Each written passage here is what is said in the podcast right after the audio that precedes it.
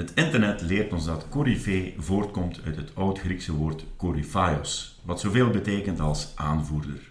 Het woord werd gebruikt voor de leider van het koor in de Griekse tragedie. De coryfee fungeerde als woordvoerder van het koor in dialogen.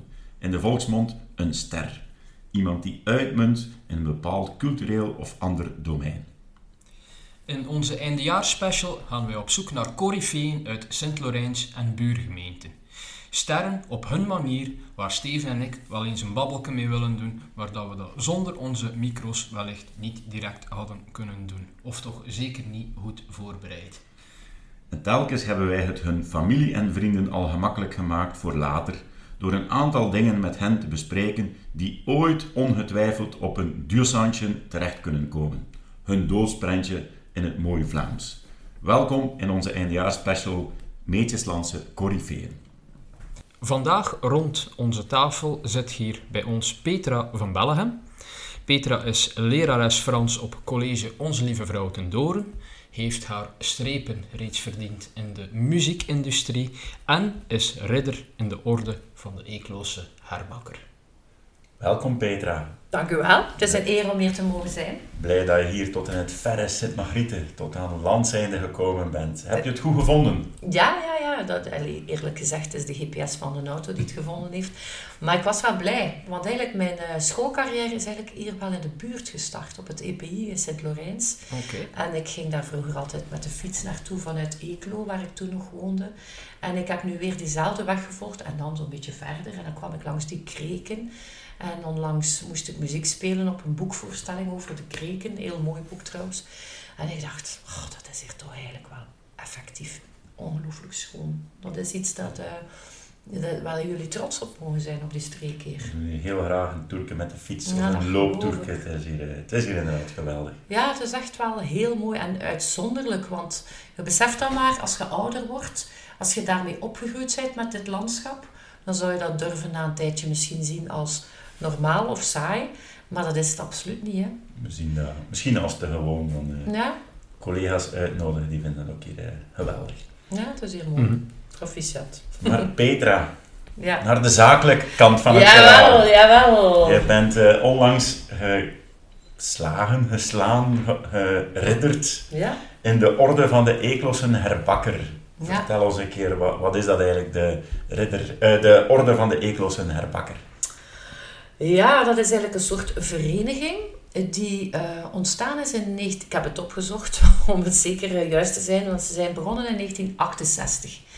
En um, in 1968 hebben zij toch tot, zich tot doel gesteld om eenmaal per jaar uh, een eklonaar uh, tot ridder te slaan of te huldigen op die manier. Uh, een eklonaar die zich inzet of ingezet heeft voor eklo. Mm -hmm. um, op meestal cultureel of sociaal vlak. Um, ze hebben ook nog andere activiteiten, heb ik wel gezien. En ze verzamelen en bewaren en onderhouden uh, en onderzoeken allerlei ecloos cultureel erfgoed. En ze organiseren allerlei tentoonstellingen. Ze doen eigenlijk heel veel, die mensen. Ze hebben onlangs bijvoorbeeld ook zo een stickeractie gedaan. Dan kon je allemaal stickers van oude uh, foto's van Eclo verzamelen en kleven in een boek.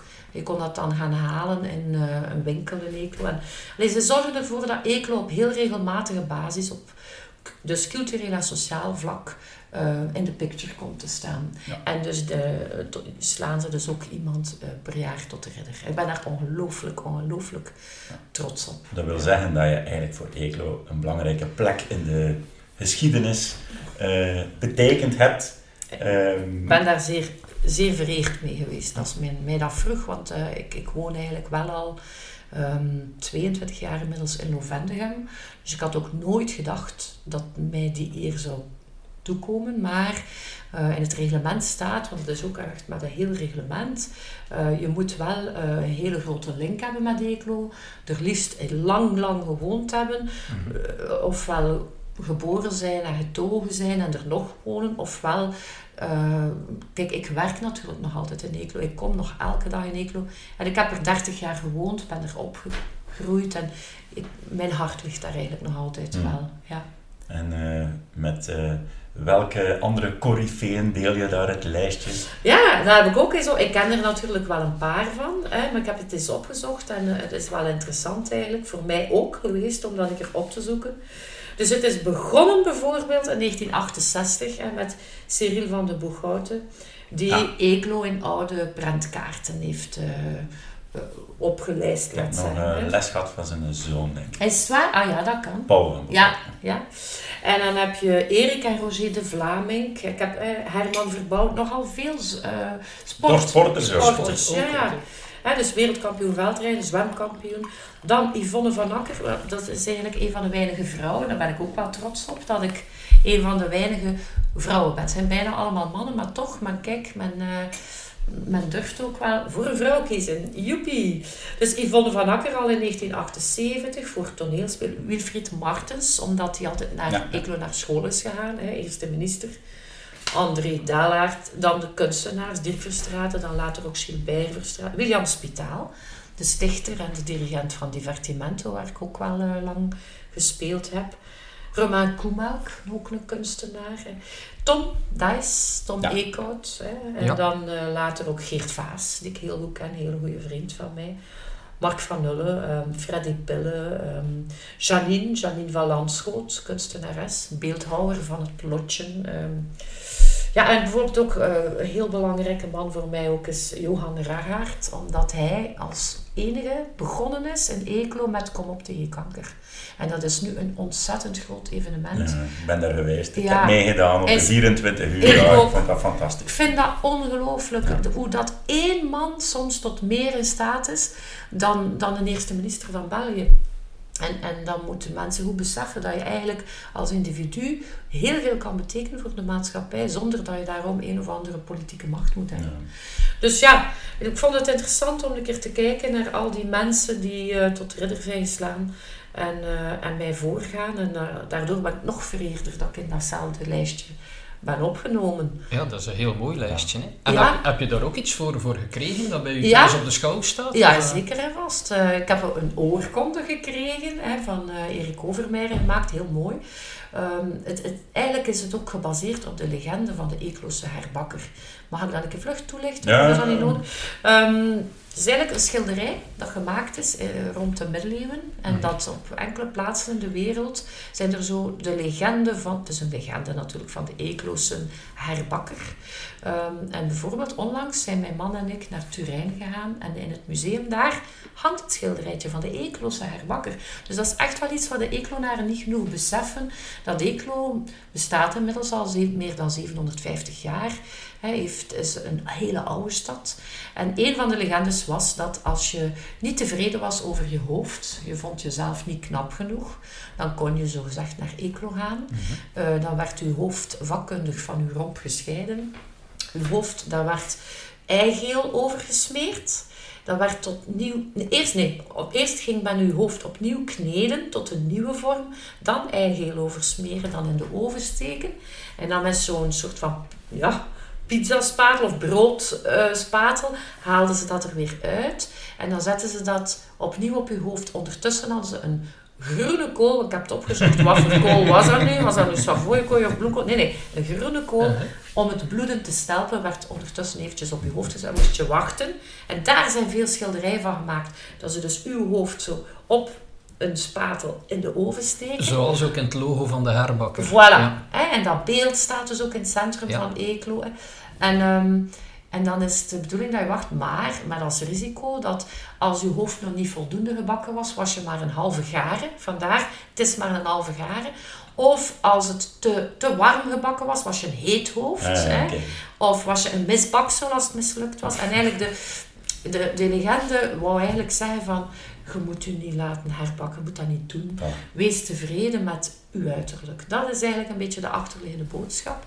En, en men heeft die legende dan gebruikt om de, de orde van de Eeklosse herbakker. Ja. En dus het cultureel centrum Ja, heet ook de herbakker. Ja. En aan de zijkant van het cultureel centrum, ik ben aan het uitwijken zeker. Nee, nee, Dat is omdat ik in het onderwijs sta. Kan er niet aan doen. Zolang dat je het niet in het Frans vertelt, is het Ah, si vous voulez, je continue en français. Hè. En daar staat dus een schilderij met, eh, ook van de Eekloos Bakker uitgebeeld, met personen die toen, ik geloof dat ze dat in de jaren tachtig daar hebben eh, geschilderd, Ehm, ja, met personen die toen ook belangrijk waren in. Eeklo.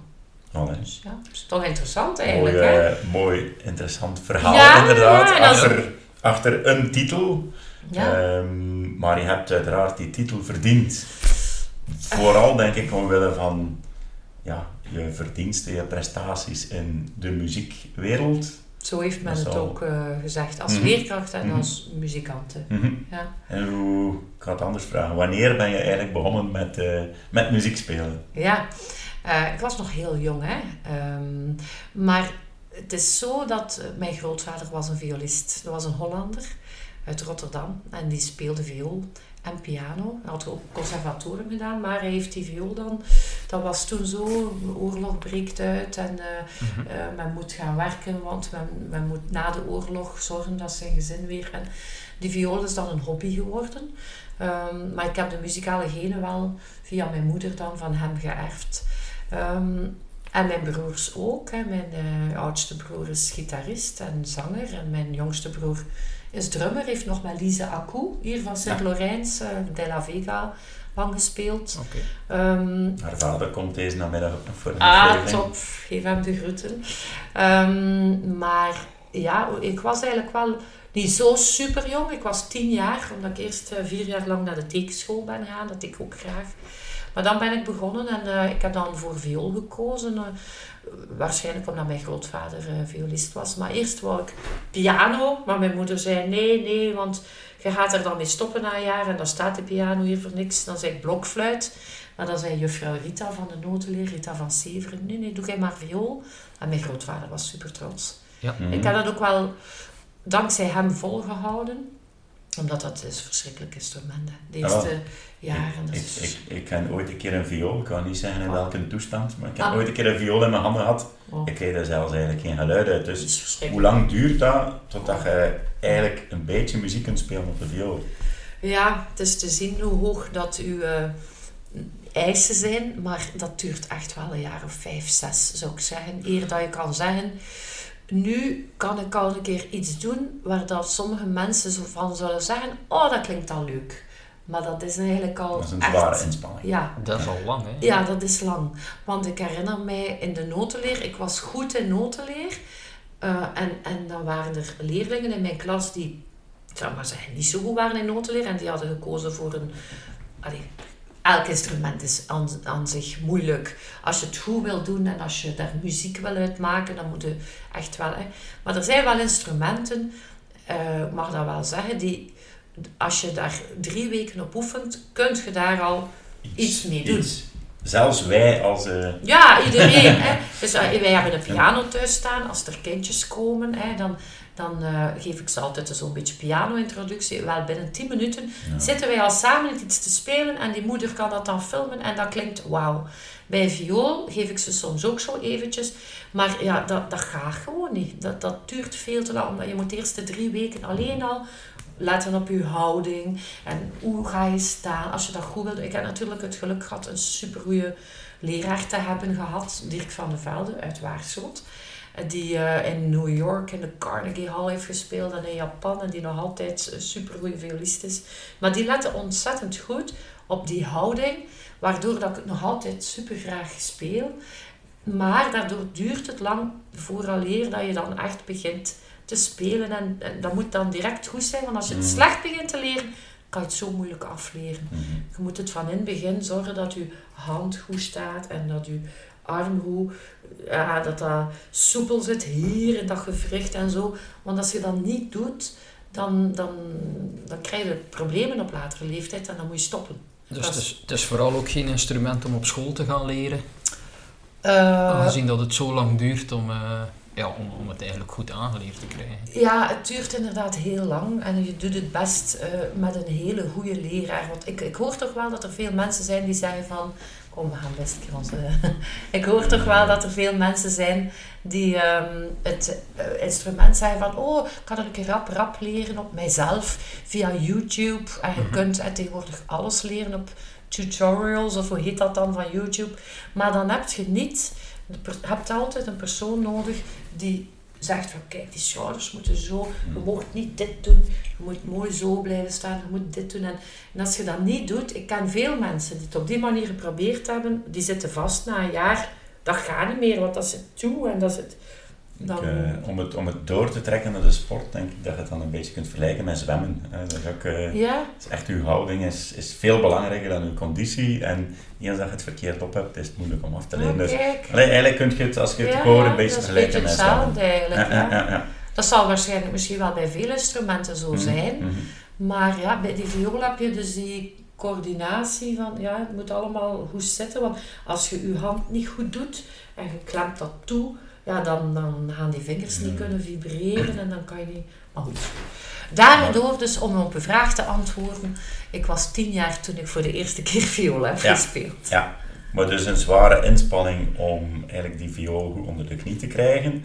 Maar dan heb je nu al Ja. jaren daar De rendement van ja. en een enorme ja, Ja, eh, het parcours afgelegd om jouw viool te integreren in de moderne muziek ook. Ja, en dat vind ik superleuk aan Mhm. dat instrument. En je beseft dat niet als je jong bent. Piano is, heeft als voordeel dat dat direct klinkt, maar dat heeft als nadeel dat je, eh, ja, je moet dat al overal meesleuren. Een viool, dat is super licht, hè? Mhm. Mocht ik raden hoeveel dat de viool weegt?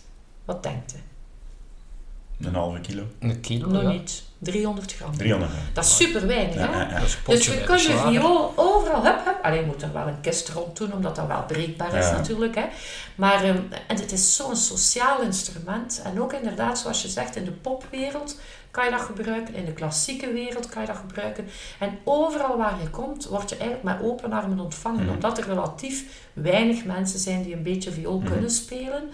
Omdat het zo verschrikkelijk is om het ja, om het, om het onder de knie te krijgen. En als je het eenmaal kan, dan is dat het meest sociale instrument ter wereld. Je kunt een lief opdoen door viool te spelen. Allee, dat is echt Ja, waar. Dat is beter oefenen, dan Tinder. Beter dan Tinder. Maar we moeten er wel voor over hebben. Maar ja, dat is waar. Want allee, mijn dochter speelt nu ook viool. Die is Mhm. 21. Die wordt overal aan haar... Want die speelt echt ook al goed. Ze heeft ook volgehouden. En overal wordt aan haar mouw getrokken. Ze, ze is studenten in Gent. Wat komt er in ons orkest spelen? We hebben violen nodig. We hebben violen nodig. Ze gaan nu binnenkort ook in een musical meespelen. Doe mee, alstublieft. En overal zit er wel een knappe jongen eh, tegenover u cello te spelen of zo. Hè. En hoeveel heeft ze daar zo al binnen gedaan? Maar eh, ik denk dat mijn dochter niet graag dat ik over haar babbel. Dus dat ga ik dan maar niet zijn. Ja. Kunnen Maar knippen, hè. wat dus mij betreft- ah, ja. Ik zal het u dan een keer zeggen als de micro afstaat. maar eh, wat mij betreft, eh, ik heb mijn man door de viool leren kennen. Hè. Ja, voilà. Dus dat is ongelooflijk wat een cadeau dat ik daardoor gekregen heb. En ik denk dat dat ook door te trekken is naar de sportwereld, zoals jij zegt. Als je genoeg oefent voor iets, terwijl dat iedereen in zijn nest zit of zit te gamen of, of gewoon niets zit te doen. Dan ga je gaat morgens opstaan en ga je gaan fietsen of je gaat gaan zwemmen. Dan heb je daar veel meer gelukservaring van. Mhm. Omdat je na een tijdje merkt, ik verbeter in wat ik doe. Ik, krijg er, ik word geapprecieerd omwille van wat ik doe. Ik kan in de muziekwereld tot nut zijn om, om, Mhm. om te helpen bij een cd-opname of, of op een concert. Ik word daardoor eh, geapprecieerd en ik kan ook, ik kan ook het verschil maken. Zelfs, allee, om een voorbeeldje te zeggen, wij hebben dus op school eh, een koor en, en wij hebben eh, nu onlangs een, een Oekraïens kerstliedje gekozen om aan te leren aan dat koor, omdat er nu sinds twee jaar bij ons op school Mhm. enkele Oekraïense kinderen zitten. Om met een hart onder de riem eigenlijk een beetje te steken, hebben wij een kerstlied, eh, een Oekraïens ker- kerstlied aangeleerd aan dat honderdkoppige koor. En we hebben daar eh, enkele leerlingen dat van laten opnemen. En we verspreiden die boodschap. Je kunt niet u, u niet inbeelden hoeveel dankbaarheid van die Oekraïense gemeenschap dat ik daar al door krijg. Gewoon door de muziek eigenlijk. Mhm. Muziek eh, kan, kan ook veel betekenen. En bij ouder worden, trouwens in sport ook, hè, maar besef ik dat meer en meer. Je gaat geen oorlog stoppen met muziek. Maar je gaat wel mensen een hart onder de riem Mhm, kunnen steken. Ja. Je gaat mensen het gevoel kunnen geven van... we zijn hier welkom. En, en, en wij, mogen, wij zijn hier ook deel van de maatschappij aan het worden. Mhm. En ja, ik, ik, dat is mij ouder geworden dat ik dat besef, Mhm. hoe belangrijk muziek... Het zal, ik zeg het, het zal de wapens niet doen zwijgen. Alhoewel ze het dan wel gedaan hebben. Soms gebeurt het wel, hè. Dat, Mhm, dat, mhm. dat men begint te zingen. Ja, ik kan daar Ja. nog iets van zeggen, maar we moeten voortdoen, hè. Maar die, die, die viool heeft inderdaad Ja. een, een speciale toets Ja. aan ja, de moderne muziek ook. Ik herinner me Ja. in mijn tijd, hè, Ja. Deus, die daar Ja. eh, in een geweldig nummer Ja. eh, een stukje viool ook in had. Je hebt diverse samenwerkingen gehad. Hè. We herinneren jou ook nog bij Eden, Ja. beetje de band die toch op Stubru vrij bekend was van onze ex-dorpsgenoten, Ja. hè, Nathalie Herweg en, en Philippe Madou. Ja, Eh, daar was je bij betrokken. We hebben ook nog iets gevonden met Guido Belcanto. ja. Wat zijn zo de, de leukste samenwerkingen die jij gehad hebt? Oh ja. Ehm Z-Noise, daar heb ik ook nog bij gespeeld met Bart. Eh, maar goh, ik, de leukste samenwerkingen. Ik, heb, ik vind het eigenlijk super leuk dat ik door die viool in verschillende soorten van combinatie. Ik kan zowel meespelen met de Matthäus Passie van Bach, daar heb ik zeer goede herinneringen aan.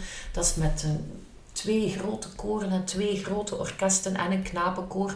Dan staan er daar met honderd man op een podium en dan gaan de rillingen door uw lijf en dan zeg je echt van... Och, dat is zo prachtige muziek die 400 jaar geleden geschreven is en die nog altijd recht naar uw ziel gaat.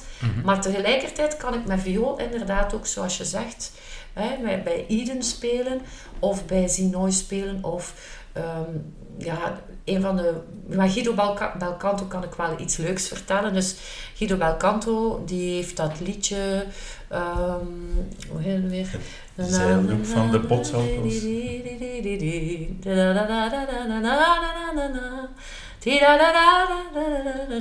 En hij vroeg altijd waar hij ging optreden, een plaatselijke zangeres, maar je weet nooit op voorhand wie dat, dat is. Mhm. En dat was ik dan in Eeklo in de Herbakkertes. Ja. En eh, hij ontmoet mij dan gewoon twee uur voor het concert en dan moeten we dat samen doen. Maar voor hem was de ontgoocheling ontzettend groot, omdat ik zo groot ben. Ik ben een meter tachtig. Zijn ego En, was ja, beetje... ja, hij vond dat niet leuk.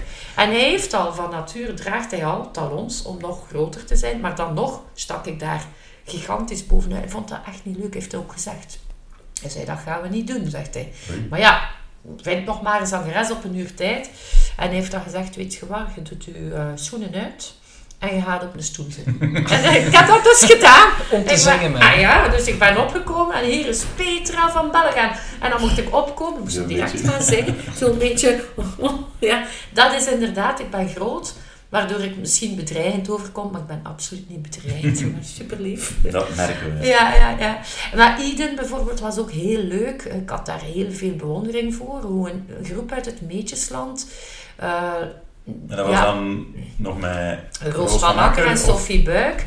Wel, en ja, en Sophie Buik is nu een collega van mij op de Mhm. Doorn. En eh, ja, ik vind dat fantastisch wat dat die bereikt hebben. Eigen muziek schrijven, dat heb ik, dat heb ik me nooit aan gewaagd. Mhm.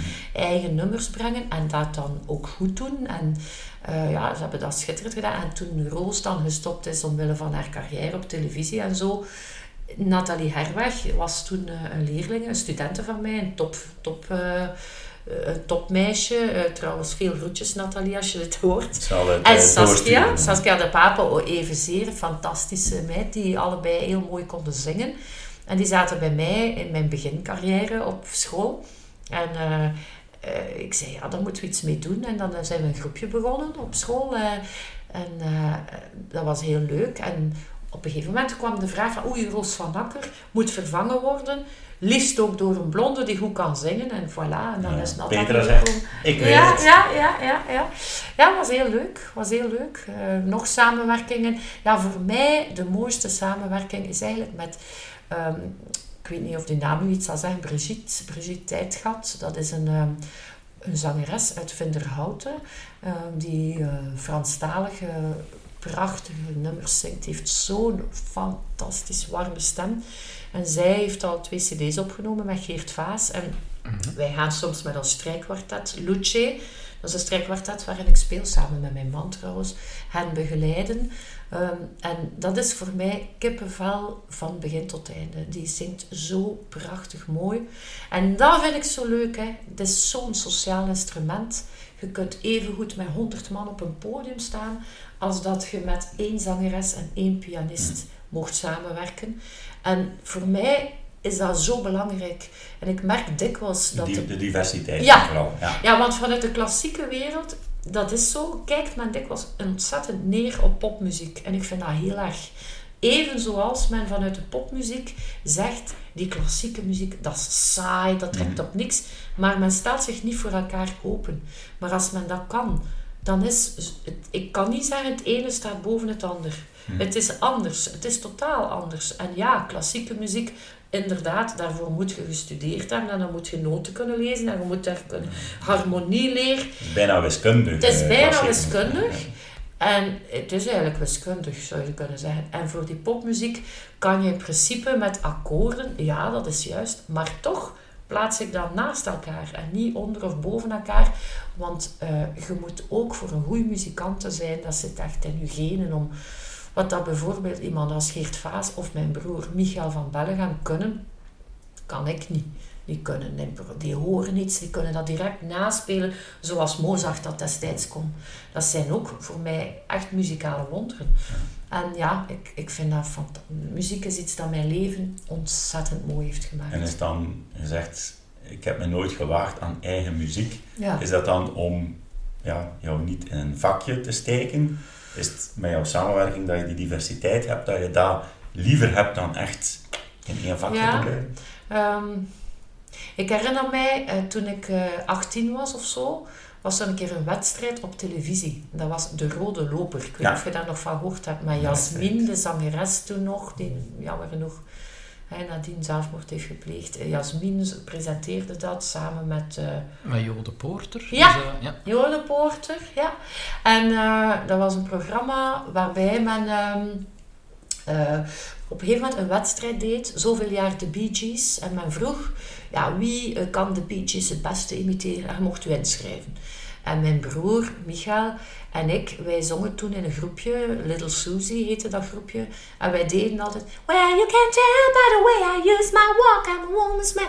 Ja, je kent, kent dat wel. Ja. En wij deden dat in twee stemmetjes en dat klonk zo'n beetje achter. Wij dachten, we doen mee voor de lol. Hè. Dus wij doen mee. We hadden dat niet meer geoefend. Gewoon op weg daar naartoe. Naar Brussel, camionetje in. Hè. En wij komen daartoe. Wij, wij, wij winnen die wedstrijd met de vingers in de neus. De rode loper komt af. Broer en zus van Berghem. En wat gaan jullie nu doen? Gaan jullie nu een singeltje opnemen? Of gaan jullie nu... Hè? En... eh, en wij zeiden alle twee, misschien door de nuchterheid van onze Hollandse mama, van, maar nee, wij zijn eigenlijk super gelukkig met ons leven. Mijn broer is kok, ik ben lerares, wij doen dat super graag.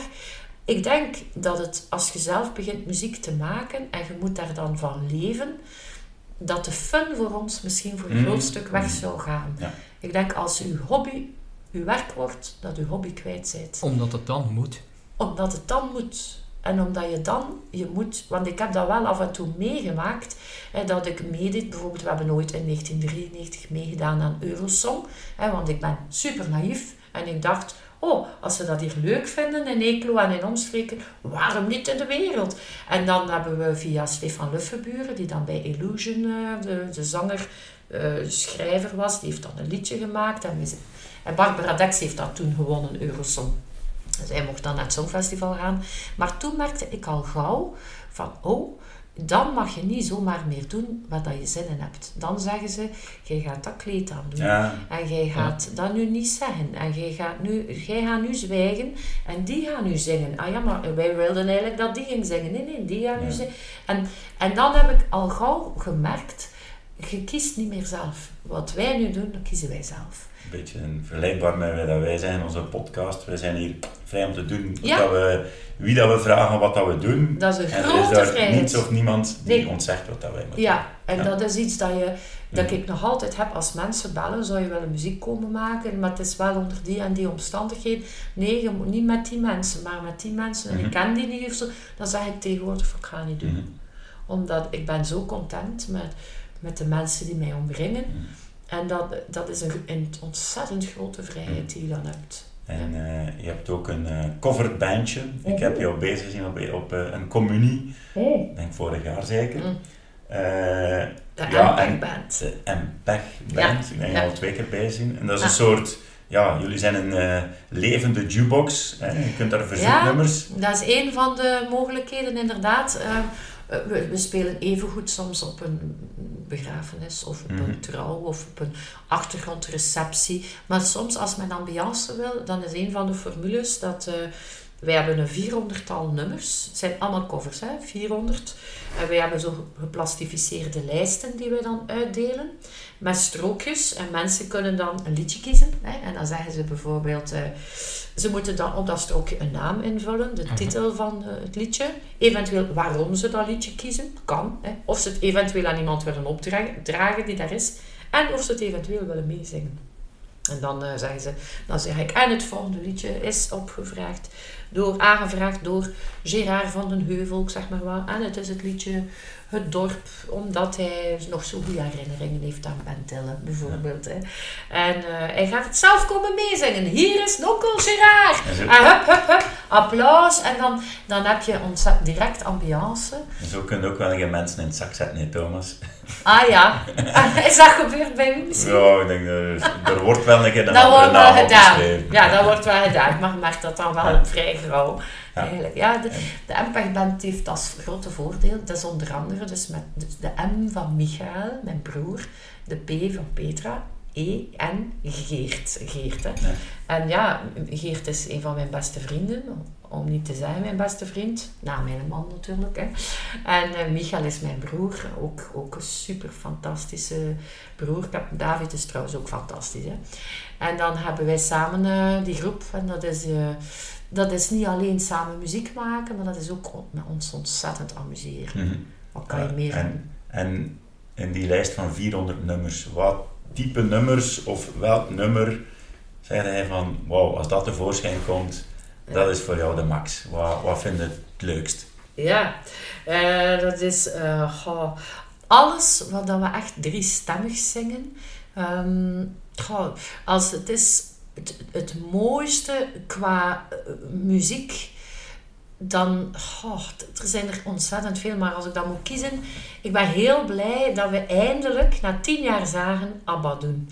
um, ik ben altijd een grote fan van ABBA geweest, als klein meisje al. En bij wie heb je dat moeten zagen? Bij de twee heren allebei.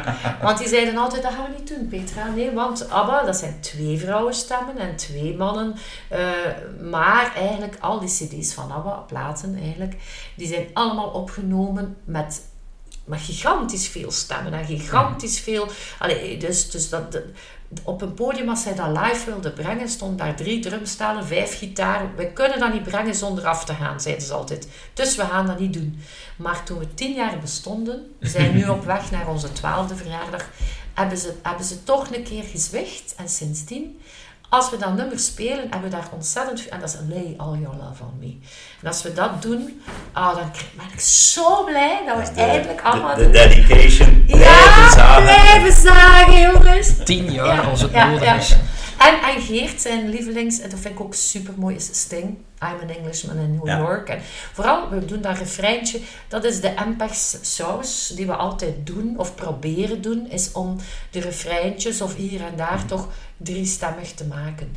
En dan wordt dat een ander nummer. Um, dus dan zou ik zeggen ABBA. Uh, uh, ja, of Bart Peters, wat nog komen zou. Dat is uh, heel ingetogen. Maar als je wil weten wat ik graag zing om dan te gaan, dan is het I Will Survive nog altijd van Gloria Gaynor. Ja. Ik heb dat zelf ook gezongen op mijn eigen huwelijksfeest. I Will Survive. Ah, dat, Het is voorlopig altijd gelukt. maar ja, maar ja. Dat is gewoon een fantastische man die ik heb.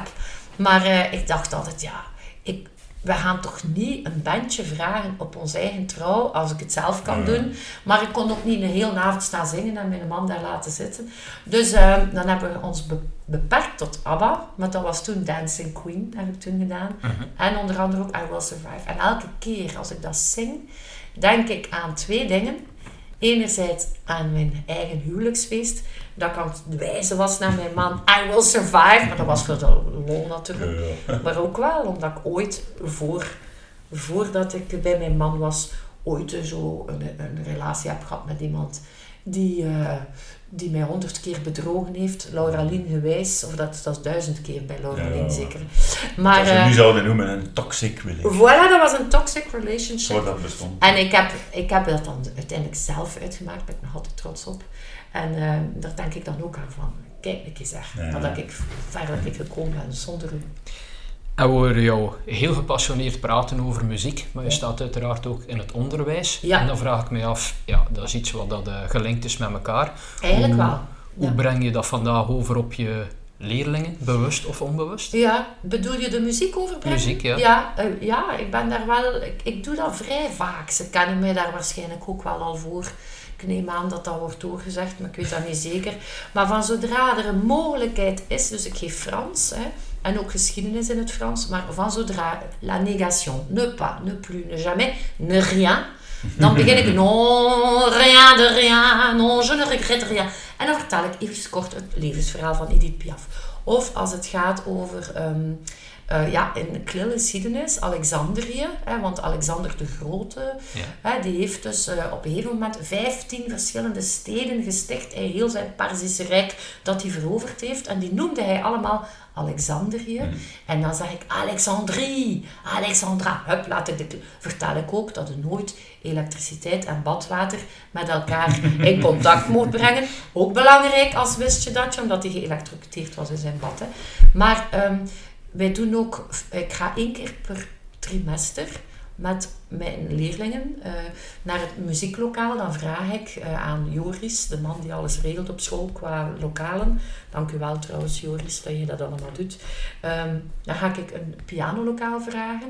En dan heb ik een boekje met tien Franse chansons. Maar die zij meestal kennen. Stromae zit daarin, Angèle zit daarin.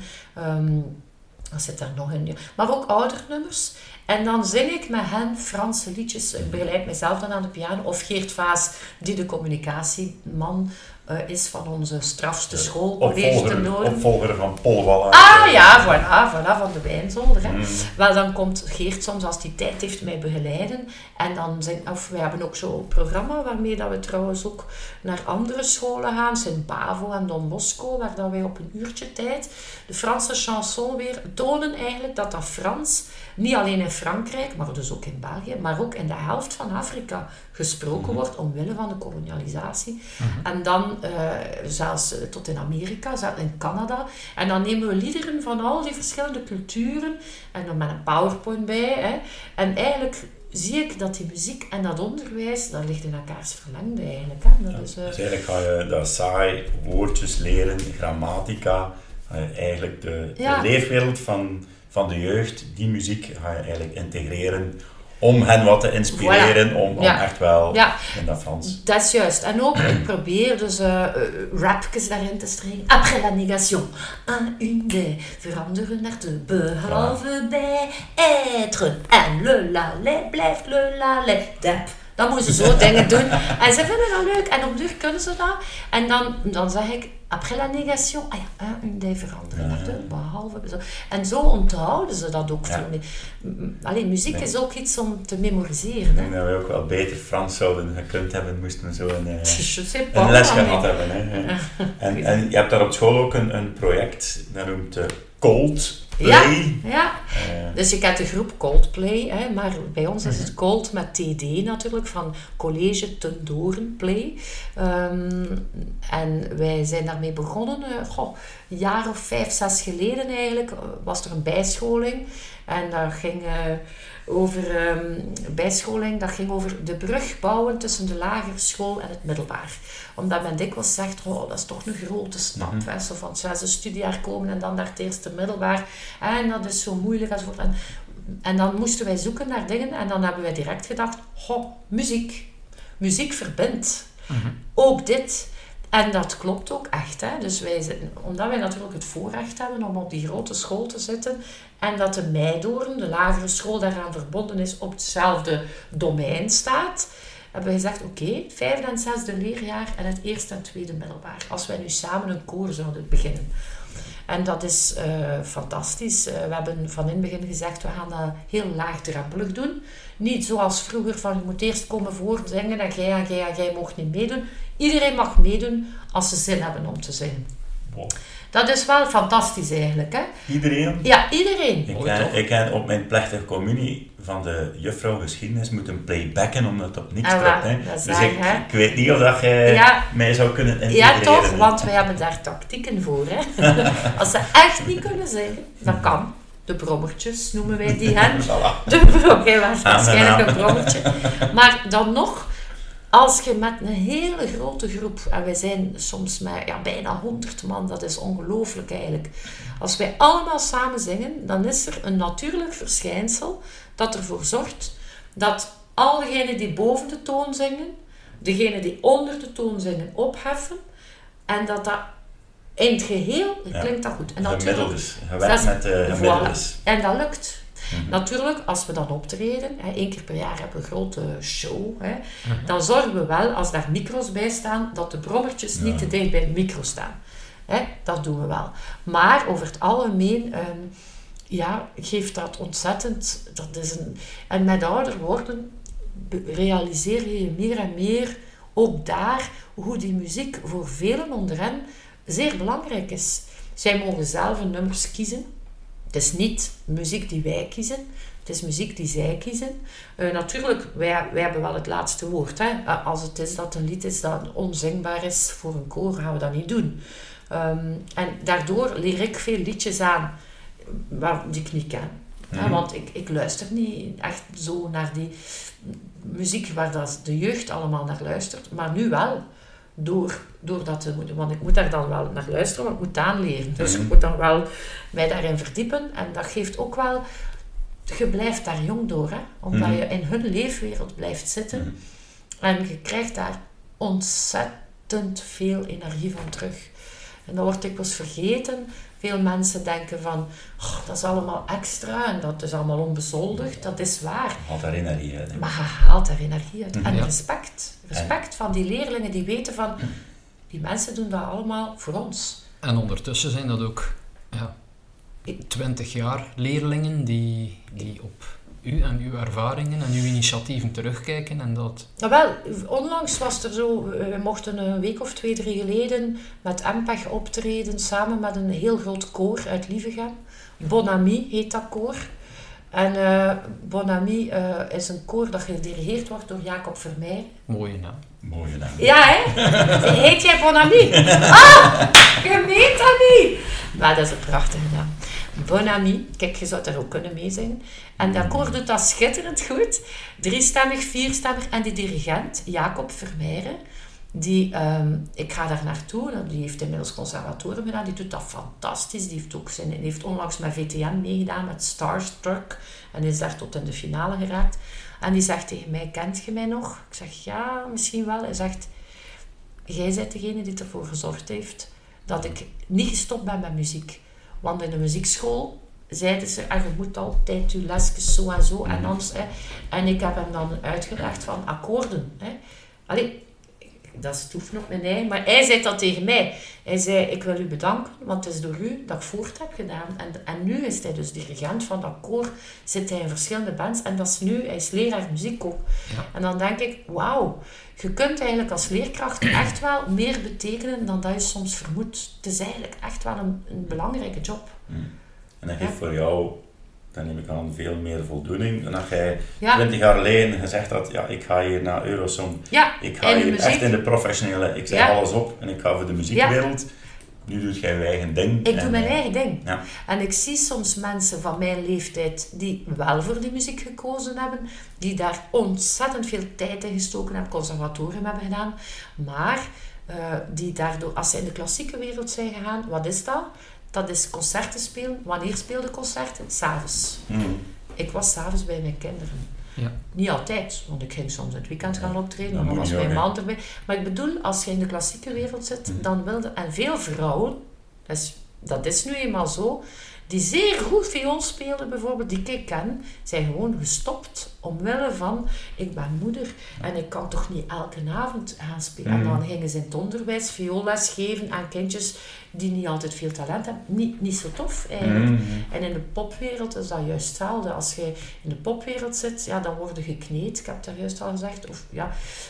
Ik ben blij dat ik van beide walletjes mag eten. Nergens spijt van. Nergens spijt van. En die, die oorspronkelijke doelstelling van uw Coldplay, van ja, ik moet de brug van lagere school naar middelbaar ja, kleiner maken of makkelijker Ja. maken, ziet je dan dat dat effectief bij die, Ja. die hartjes die, die daarin zitten, dat dat soepeler gaat? De 100%. Mhm. Die komen op wekelijkse basis, komen die bij ons in de lokalen, die zien al van, aha, dat is hier. Zij kennen dat gebouw daardoor al. En zij kennen ook al de leerkrachten eh, die meedoen. En daar zit dus, want dat gaat niet alleen over mij, hè. dat gaat over Geert Vaas, de pianist, begeleider, organisator, maar dat gaat ook over Annelies Schuurmans en over Lisbeth van Neeften. En dat, gaat over, dat zijn leerkrachten, de ene geeft eh, Latijn en Grieks, die andere geeft wiskunde. Dat gaat over Ulrike Wille, die geeft muziek bij ons. Maar dat gaat ook over leerkrachten van de Meidoorn, Ineke Dumont, dat gaat over Jasmin Buik. En wij komen dus ook samen, maar wij spreken ook over het onderwijs ondertussen. Wij komen dus bijvoorbeeld op 2 januari hebben wij weer een vergadering. En dan gaan wij ondertussen ook van wat zijn de problemen in het middelbaar. Hoe pakken jullie dat aan in het lager? Want in het lager hebben zij echt wel veel meer diversiteit. Daar zitten leerlingen die later naar beroeps gaan, maar er zitten evengoed leerlingen die naar Latijn-Grieks gaan. Zit, alles zit samen. Hoe pakken zij dat aan om te diversifiëren? Wij kunnen heel veel leren van hen eigenlijk. En, en dat is wel door de muziek bereik je zoveel. Veel meer dan gewoon Ja, muziekgroep. echt waar. Ja. Ja. Ja. daar heb ik echt wel heel veel geluk mee gehad. En eh, net zoals bij het amvoetbal, de persoon, de Red Flamingo's, de persoon die de naam uitgevonden heeft, ook voor Coldplay, Ja, geeft die mensen een standbeeld. Ik vind het geweldig van naam, dus eh, ik weet Ja. niet wie dat was, maar heeft, heeft die persoon gerust een standbeeld. ja wel, dat. Geert Vaas, Voilà. die heeft dat uitgevonden. Maar die zal Die misschien sowieso een standbeeld krijgen. hè. Ik hoop het, want die verdient dat echt. Want die, eh, ja, dat is ongelooflijk Ja, wat die allemaal... eh, 24 uur van Kom op tegen kanker staat hij er ook 24 uur. En wetende Ja, dat is, eh, dat hij 's morgens, de vrijdagmorgen, opgestaan is, om Mhm. 7 uur of om half 7. En, eh, en de hele dag heeft gewerkt en aansluitend, of vrijdagavond dan begint Ja. te draaien, heel de nacht door tot de zaterdagavond zonder stoppen. Ja, dat is 36 à 40 uur. Ongelooflijk. En allemaal onbezoldigd, ik wil dat toch En, een keer eh, zeggen. Dikke Ja. ambiance. En dikke ambiance en blijven gaan tot stukken in de nacht. Mhm. Ik vind dat ongelooflijk. En die kracht van individuen is echt niet te onderschatten. Met onze fietsvereniging waren we dit jaar uitgeloten om mee te doen. Volgend jaar jammer genoeg niet. Ja, Maar we gaan sowieso Ja. eh, de zaterdag wel een keer eh, Ja. een keer ja, ja, Mhm. Dat is fantastisch. zo wijs. Ja. Eh, Petra, Ja. nog een eh, één afsluitende vraag. Ja. We zijn al veruit over ons Ja, tijdsbudget. sorry. Maar het is geen erg, want het was Ja. geweldig interessant. Ja. Eh, jij bent eeuwig vrolijk, Ja. eeuw- eeuwig stralend. Wat is er nodig om jou uit je lood te slaan? Om jou een keer krekelig te maken Ja. of boos te maken? Hmm. Wel, eh, eh, ik ga eerlijk zijn. Eerst en vooral wil ik zeggen dat ik het te danken heb aan mijn moeder. Die was ook zo. Hè. Dus het zit in de genen, denk ik. Het is ook wel ook geconditioneerd van thuis uit. Zei mijn moeder altijd aan tafel, want wij ook belangrijk samen kunnen eten. Ehm, van wat heeft er jou vandaag gelukkig gemaakt? En als je je daarop focust, dan merk je constant dingen die je gelukkig hebben gemaakt. Ehm, dus, maar wa- wanneer word ik kwaad? Ik ga eerlijk zeggen, ik, kwaad word ik nooit. Mhm. Ik kan wel eh triestig zijn als ik vind dat er mij onrecht wordt aangedaan, maar dan zwijg ik een uur. Dat is gewoon, maar niemand merkt dat op. En dan word ik... Maar ik, eh, omdat ik wel weet, bijvoorbeeld in het onderwijs, kwaad worden werkt dikwijls ah, tegenovergestelde. Dus leer- leerkrachten waar ik het meest respect voor had vroeger, waren niet de leerkrachten die begonnen te roepen. Integendeel, die heel stil worden en die is veel, een, een, een oorverdovende stilte is veel luider dan de hardste schreeuw. En ik denk ook altijd als, als, ik, eh, als ik vind dat een leerling bijvoorbeeld iets zegt tegen mij dat mij kwetst, heb ik inmiddels de tactiek om ogenblikkelijk dat van mij af te laten glijden en te denken, waarom zegt hij dat? Mhm. Waarom? Mhm. En dan zeg ik, kom je na de les bij mij. Ja, Dat is veel, veel Ja. efficiënter dan, en wat zeg jij hier nu? Oh, dat vinden ze wel echt net na de- geweldig. Ja. Kom je na de les bij mij? Ja. Oh. Ik zeg, na de les, na de les. En ik zeg er niets meer over. En direct voortdoen. Niet, niet wachten. Direct voortdoen.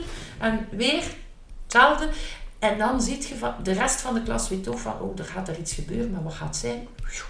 En, maar dat leer je ook wel met ouder worden. Mhm. Ik was nog niet zo eh, bedreven als ik jong was. Toen dat ik nog op het college was, was dat, iets, eh, was dat nog niet aan de orde. Nee. Nee, dan eh, heb ik zo wel af en toe nog een keer geroepen, denk ik. ja, maar ja, je zit 21. Je wordt daar tussen de mannen gegooid. Je weet van niks. Ehm, en dat was, ja, ik geef dat wel toe. Mijn beginjaren waren zeker niet mijn sterkste jaren. Mhm. Ehm, Dat is maar overal. Dat is dat is normaal. Je groeit in je job. Hè? En eh, het is goed dat ik, dat ik eh, geleerd heb en ervaring heb opgedaan. En ehm, ja, eigenlijk is dat wel belangrijk om te weten. Laat mensen groeien. Hè? In het begin is dat niet evident. Zeker niet in het onderwijs. Mhm. Petra, bedankt om hier vandaag bij ons te zijn. Met heel veel Om, eh, plezier. Een gepassioneerde dame voor ons te hebben.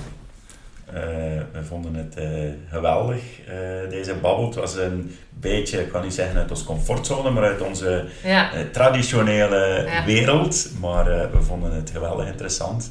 En we willen u fantastisch bedanken om, om langs te komen. Ik heb dat heel graag gedaan. Ik, ik was heel erg vereerd dat ik mocht komen. Voilà. Ja, Tot de volgende. Terug, Dus eh, dan sluiten naar we het bij deze op. af. En morgen hebben we de volgende aflevering. ja, En eh, wij gaan even napraten met Petra net, natuurlijk. Voilà, we ja, hebben dat is net goed. een lesuurtje vol gekregen. Joepie! Tot de volgende. 50 minuutjes.